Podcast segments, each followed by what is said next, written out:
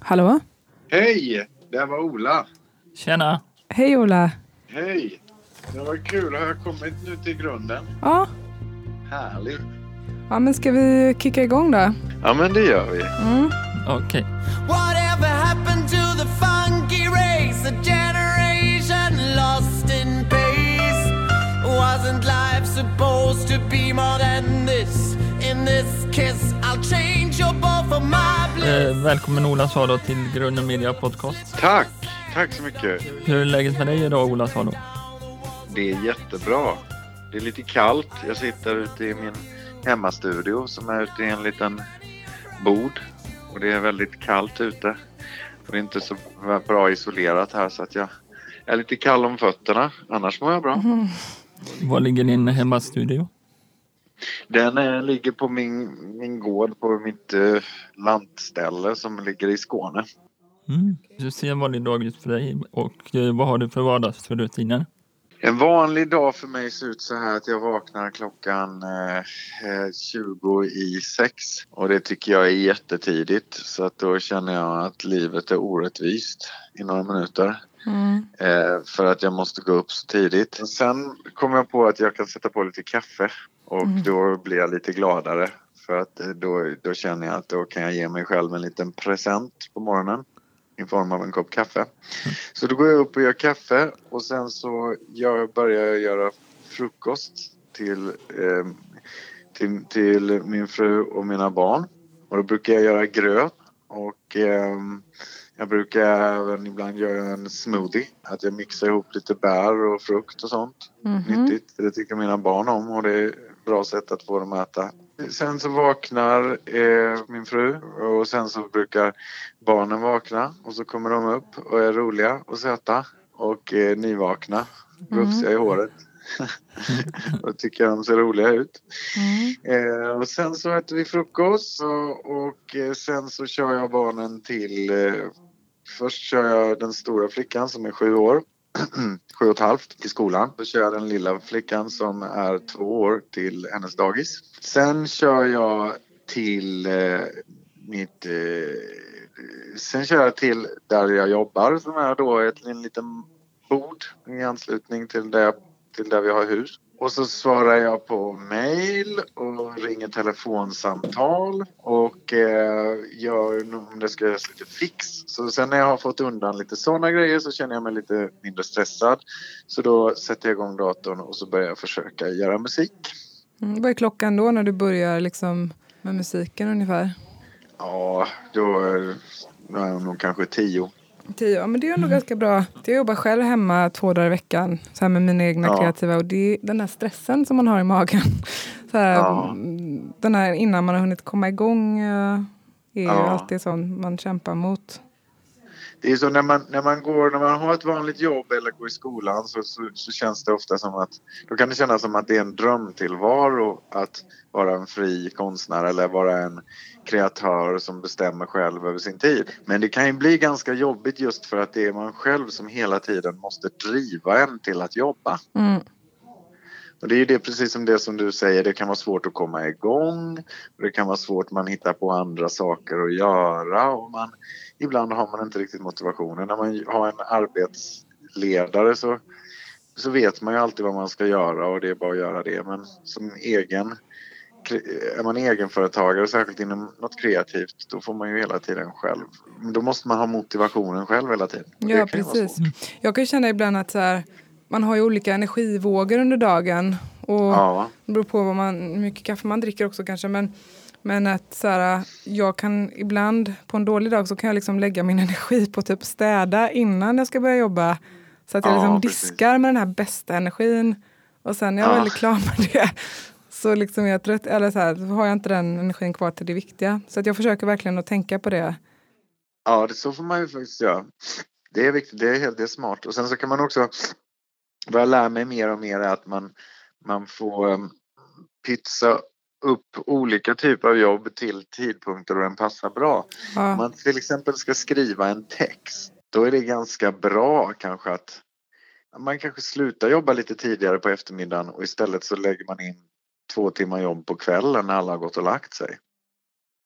Ja. När det är liksom tyst och det är inga telefoner som ringer och det, man får inga fler mejl och, och det är ingen som kräver ens uppmärksamhet.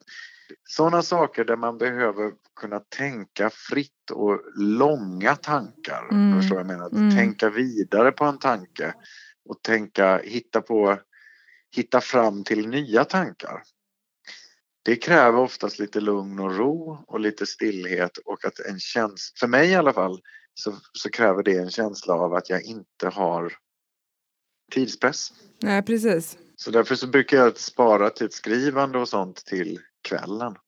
Så, så blir det jag gör liksom ärenden och fix först på förmiddagen. Sen försöker jag under dagen då komma igång och spela in och sitta och, och komma in i det.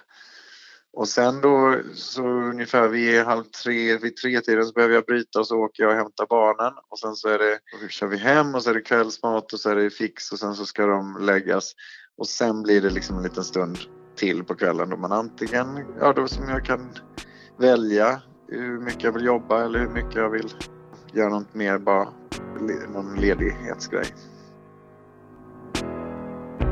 Typ du börjar som sparkar i magen, du kommer sparka mer. I första fyllecellen och nere på skolgården. De korridorerna var slagfält. De kunde slå i mig vad som helst. Du växer upp, du växer upp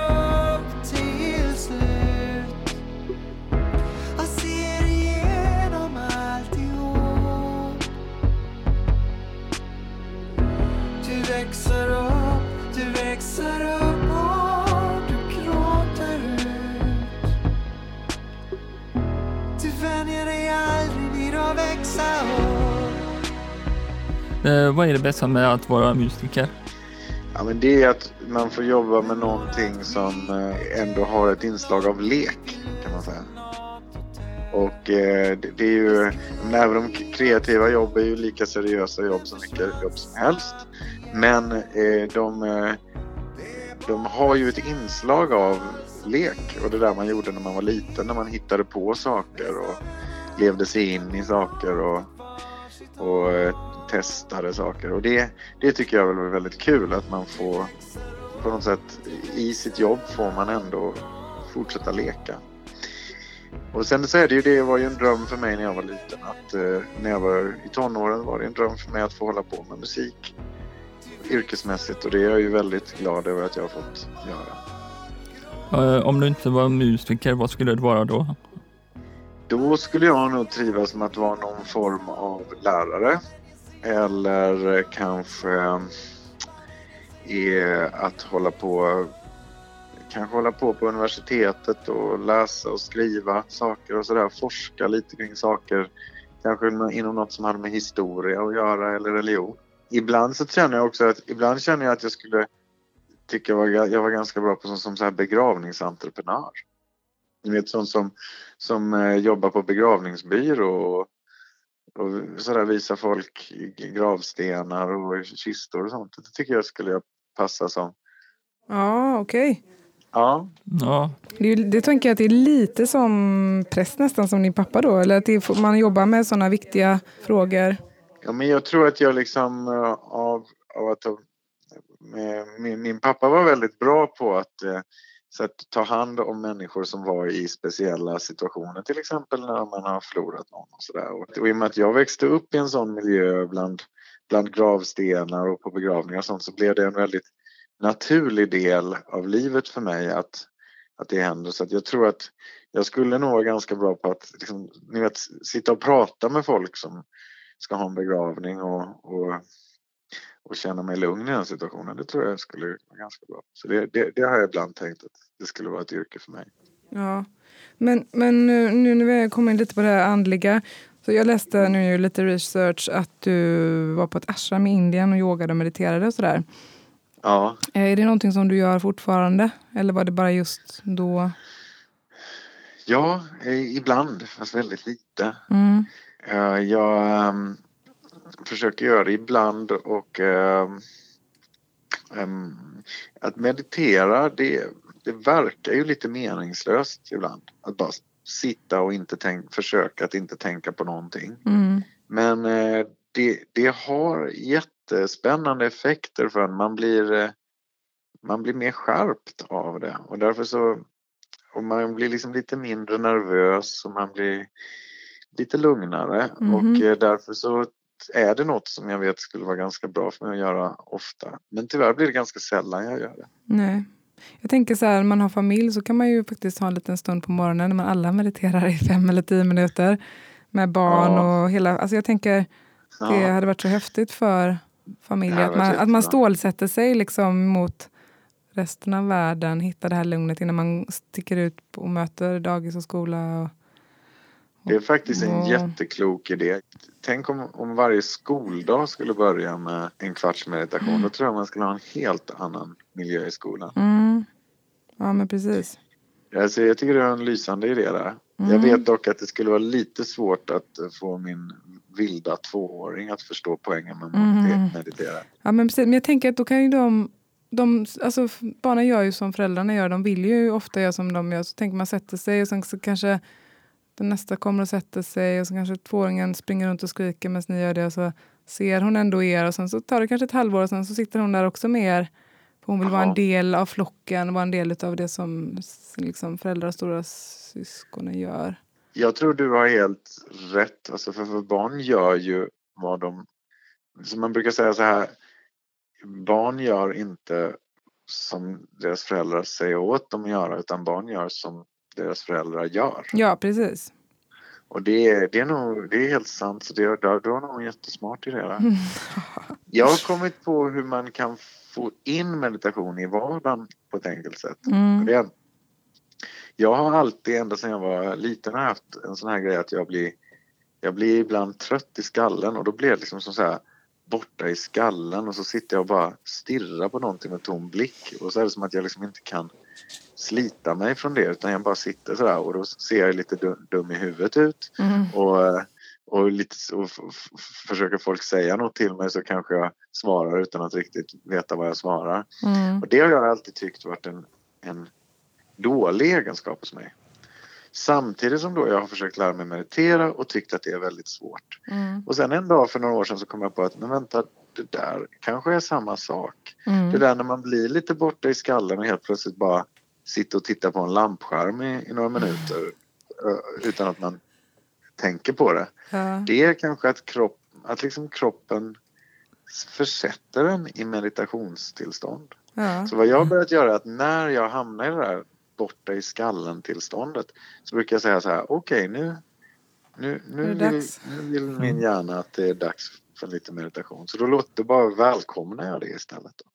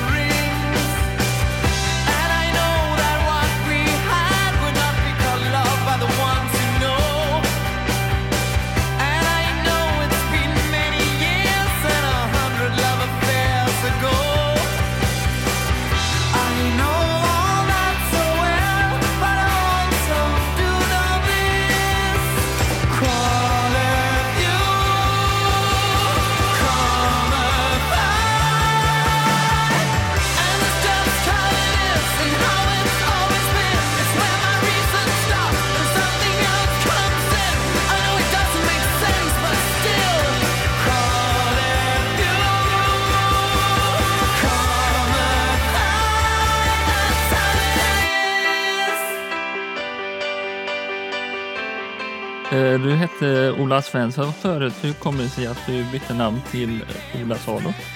Jo, när jag var i 18-årsåldern så tyckte jag väl att jag skulle ha lite fräckare artistnamn. Jag tyckte väl att Ola Svensson lät lite för alldagligt och jag tyckte väl att det var, det var ganska många som hette det också i Sverige. Så då tänkte jag att jag skulle heta någonting som ingen annan hette. Och jag tyckte väl att jag var så speciell då som person tyckte jag när jag var eh, tonåring. Tycker Så du inte att, det eh, fortfarande? Nej, Gör du verkligen inte det? nej, jag tycker i alla fall inte att jag är lika speciell som då. Jag tycker jag, jag, jag har upptäckt med åren att jag är mer, mer vanlig än vad jag, vad jag trodde och det, det kan ibland vara ganska skönt. Men eh, nej, men jag, alla människor är speciella på sitt sätt men, eh, men när man är yngre kanske man försöker vara speciell mer. Särskilt när man är sådär i tonåren, 20-årsåldern då och om man är en viss typ av person så som jag var, då var det nog väldigt viktigt för mig att vara speciell. Eh, Så, så då kanske jag väldigt mycket förstärkte de egenskaper hos mig själv som framstod som speciella i andras ögon. Och då tyckte jag väl att jag, jag då, då passade det ju inte att heta Svensson som någon medelsvensson. Nej. Så då tänkte jag istället att jag skulle ha ett fräckt artistnamn. Mm. Och då vill jag, jag gillade namnet Ola för det tyckte jag var speciellt på något sätt. Ehm, men Svensson tyckte jag inte om. Och då var det så Mm. att jag tyckte väldigt mycket om palindromer, alltså sånt som blir samma sak framlänges och baklänges. Mm. Som till exempel namnet Otto Mm. eller namnet Anna Mm. eller Naturrutan Mm. eller Gnupung. Mm. De sakerna, alla de orden blir samma sak. Och det tyckte jag var lite häftigt. Det kallas ju palindrom. Mhm. Och då tänkte jag om jag, om jag tar då Ola och första namn mitt efter, första namn, bokstav på mitt efternamn, S. Och så gör jag en palindrom av det. Mm. Jag satt Ola precis och S. såg det här. O- Ola S. Alo. Mm. Då blir det liksom, eh, då blir det som att jag he- heter bara mitt förnamn. Mm. Man behöver ju bara ett förnamn när man är känd Precis. Så, så, men då har jag ändå ett efternamn fast jag behövde inte lägga till så mycket till mitt förnamn. Nej. Har du sett filmen Palindromes? Heter det? Jag har en liten musikfråga här. Om du får välja ett år som... Alltså det finns, vissa år har det kommit ut väldigt mycket bra musik. Och ibland gör jag så här musiklistor, kanske tar jag 1966 och så bara hittar jag Ja. alla bästa albumen därifrån eller så vidare. Har du något sånt Ja. år som du liksom älskar och som du känner att så här, där hade jag velat vara med eller där vill du ta covers ifrån eller ja, något sånt? Ja, jag har varit väldigt svag för det tidiga 70-talet. Va? Mm. Eh, Så att, eh, eller man, man kan säga att det mesta musik i min, i min skivsamling Mm. kommer från mitten av 60-talet till början av 80-talet. Mm. Så det, det, det där är nästan all, all, all, mest av min musiksmak är från slutet av 70-talet. Eh, slut, slutet av 60-talet. Men du måste välja ett år. Ja, men om jag måste välja ett så säger jag kanske 1972. ah, okej. Ja, för jag tycker ju det är väldigt häftigt så här, den här tiden då, då den här glam-eran började precis. Mm. Och, eh, jag har varit väldigt fascinerad av det de åren, 71, 72. Sådär. Mm. Sen är jag ju väldigt fascinerad också av slutet 60-talet eh, i, att i Los Angeles eller i New York eller San Francisco i Mm. 67, 68. Det hade ju varit väldigt spännande. Mm. Men eh, London 1971, 72 hade varit häftigt också. Mm. Så att jag, jag säger 1972. Mm. Grymt.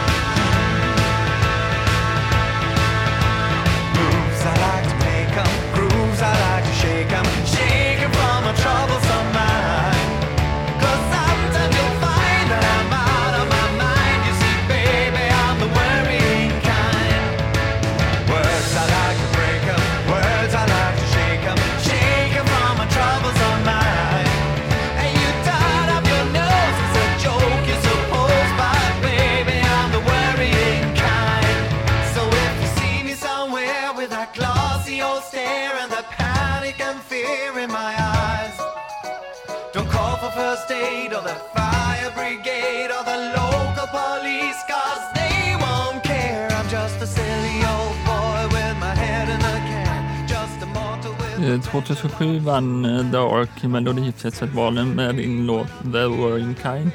Eh, hur, kändes det att vinna Melodifestivalen? Det kändes helt fantastiskt. Ehm, det var så kul hela den resan. Mm.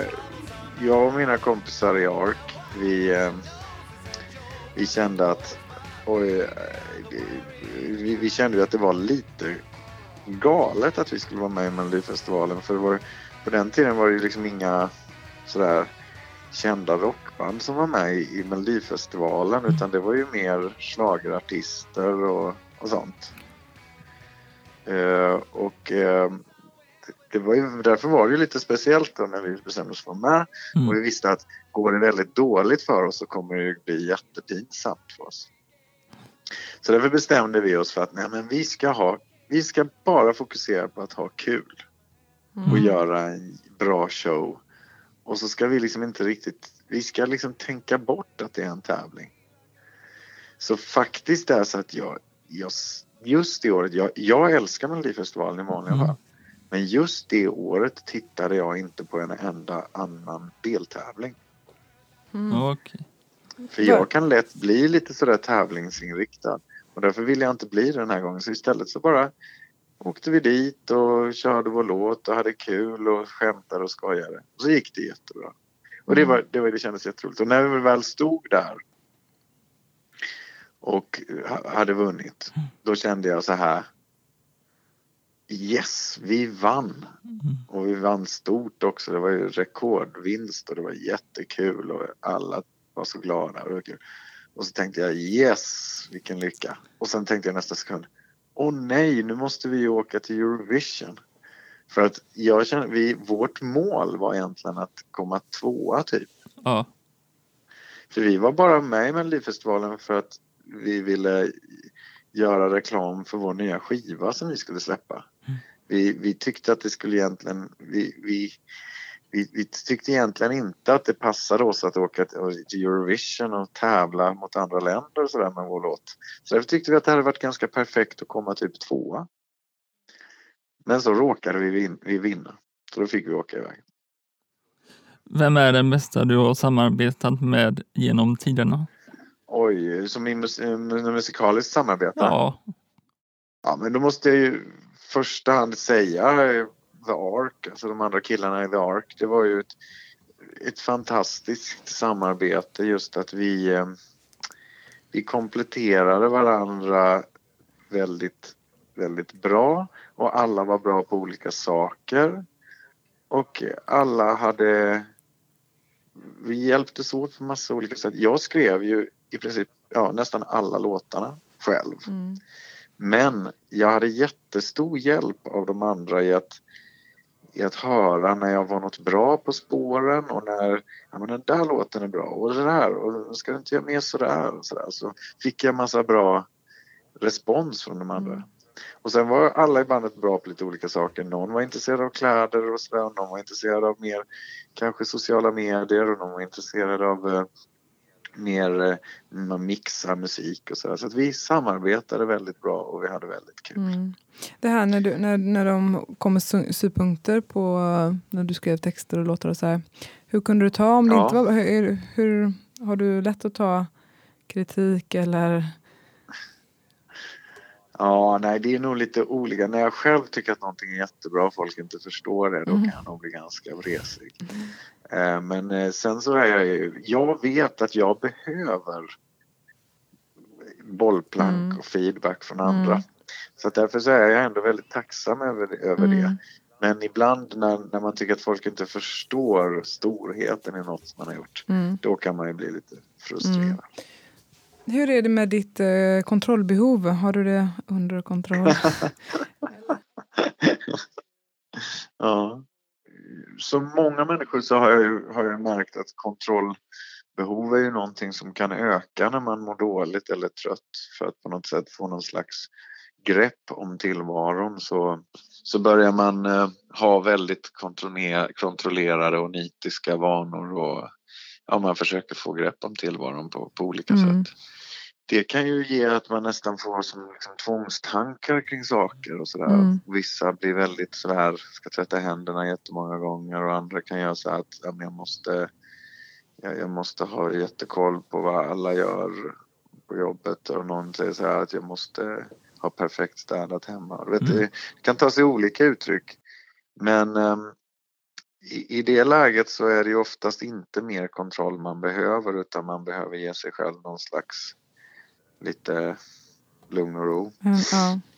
Så att jag, jag tror att jag har blivit, jag har fått mindre kontrollbehov genom åren. Mm.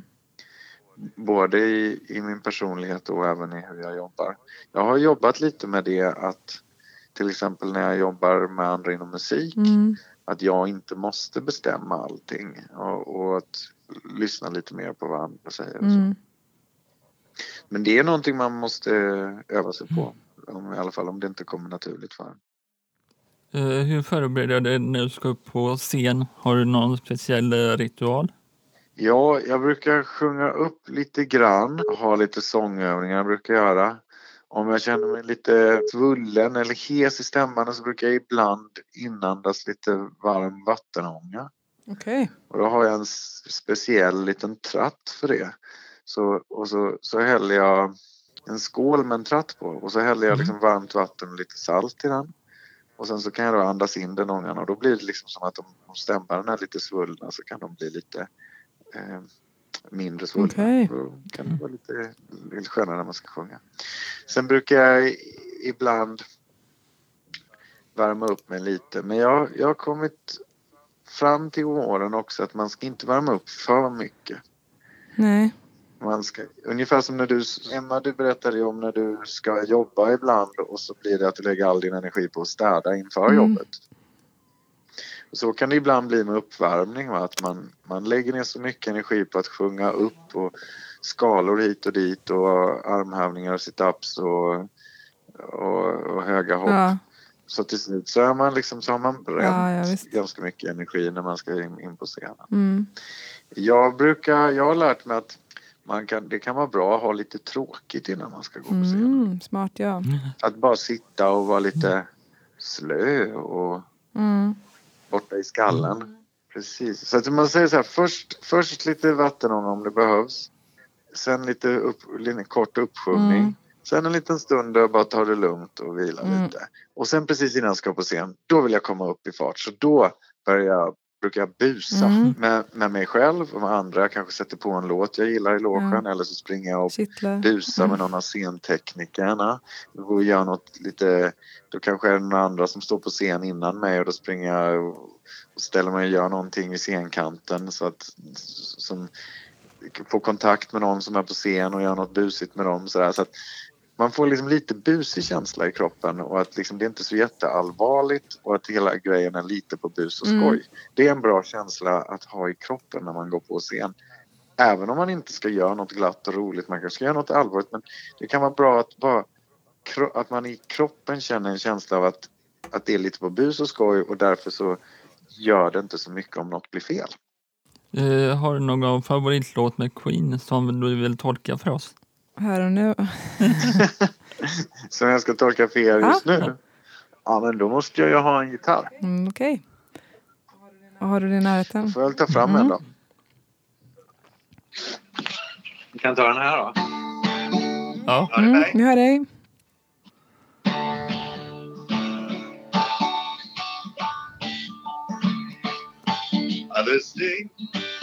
Call.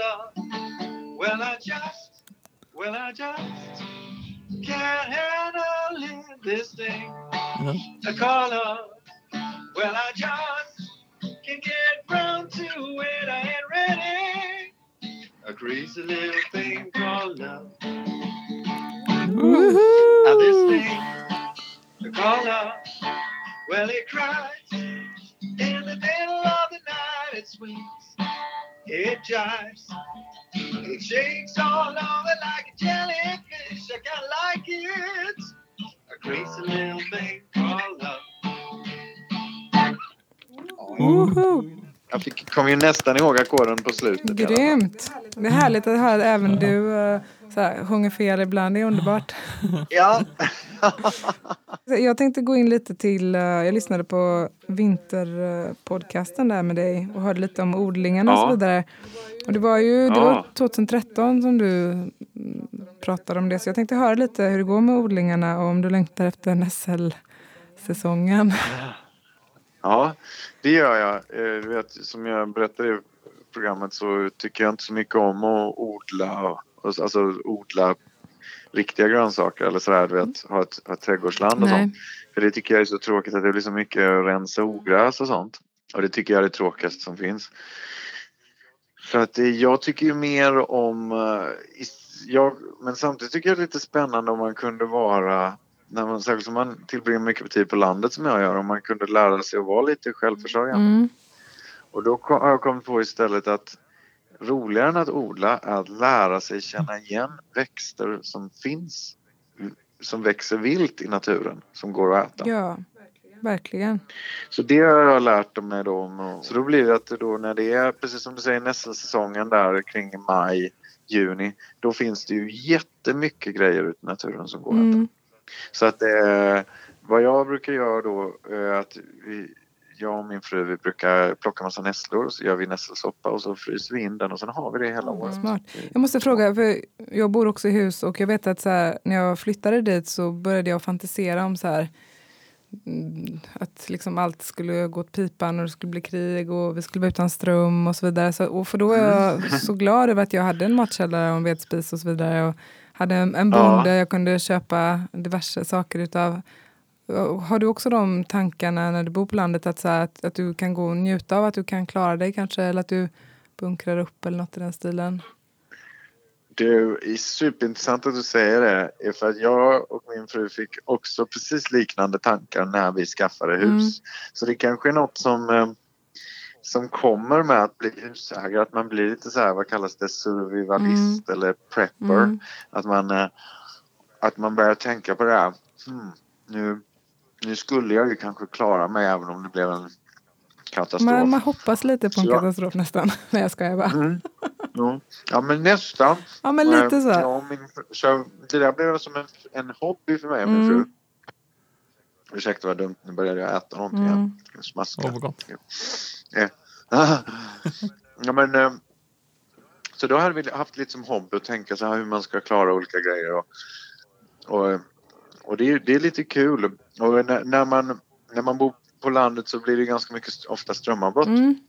Och då får man liksom i lite lagom eh, skala få testa på det där. Mm. Liksom att- Ja. ja, men så jag har definitivt fantiserat om sådana grejer och jag har, ja, vi har, jag har, bunkrat upp med vatten och Mm. sånt. Så, så det, det är ju bra. Går du ut på turné snart till eh, runt om?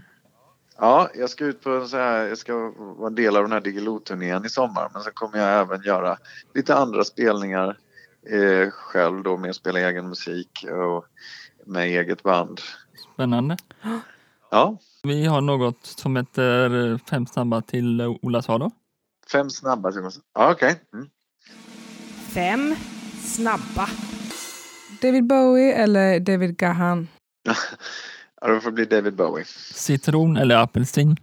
Citron blir det nog. Eh, vedspis eller induktion?